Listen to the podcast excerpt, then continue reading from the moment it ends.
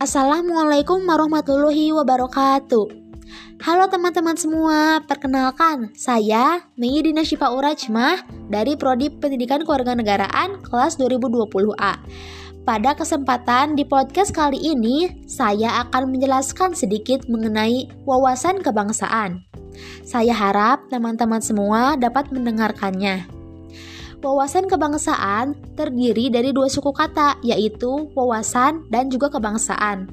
Dalam Kamus Besar Bahasa Indonesia tahun 2002 dinyatakan bahwa secara etimologis istilah wawasan berarti hasil, mewawas, tinjauan, pandangan, dan dapat juga berarti konsepsi cara pandang.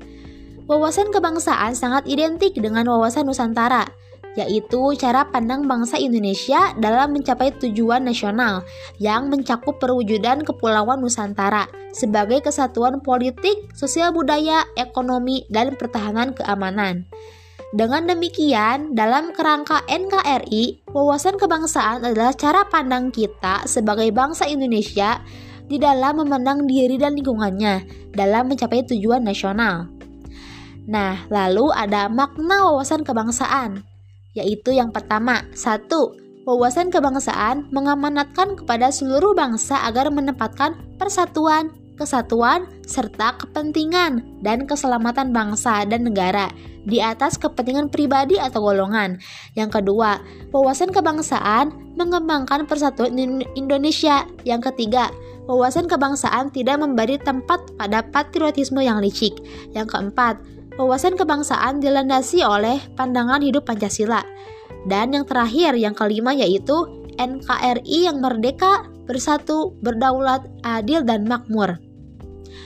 Nah, wawasan kebangsaan juga memiliki nilai nih, yang sangat fundamental, yaitu yang pertama ada penghargaan terhadap harkat dan martabat manusia sebagai makhluk ciptaan Tuhan yang Maha Esa.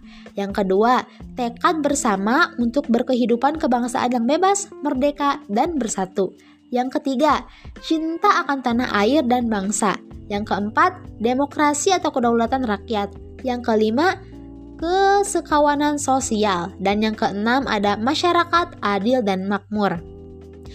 Nah, wawasan kebangsaan juga memiliki tiga unsur dasar, yaitu yang pertama ada wadah atau kontur, yang kedua ada isi atau konten, dan yang ketiga atau tata laku atau konduk. Wawasan kebangsaan memiliki asas, yaitu yang pertama ada kepentingan, solidaritas, keadilan, kerjasama, kejujuran, dan kesetiaan terhadap kesepakatan. Lalu yang akan saya jelaskan terakhir di sini yaitu mengenai hakikat dari wawasan kebangsaan.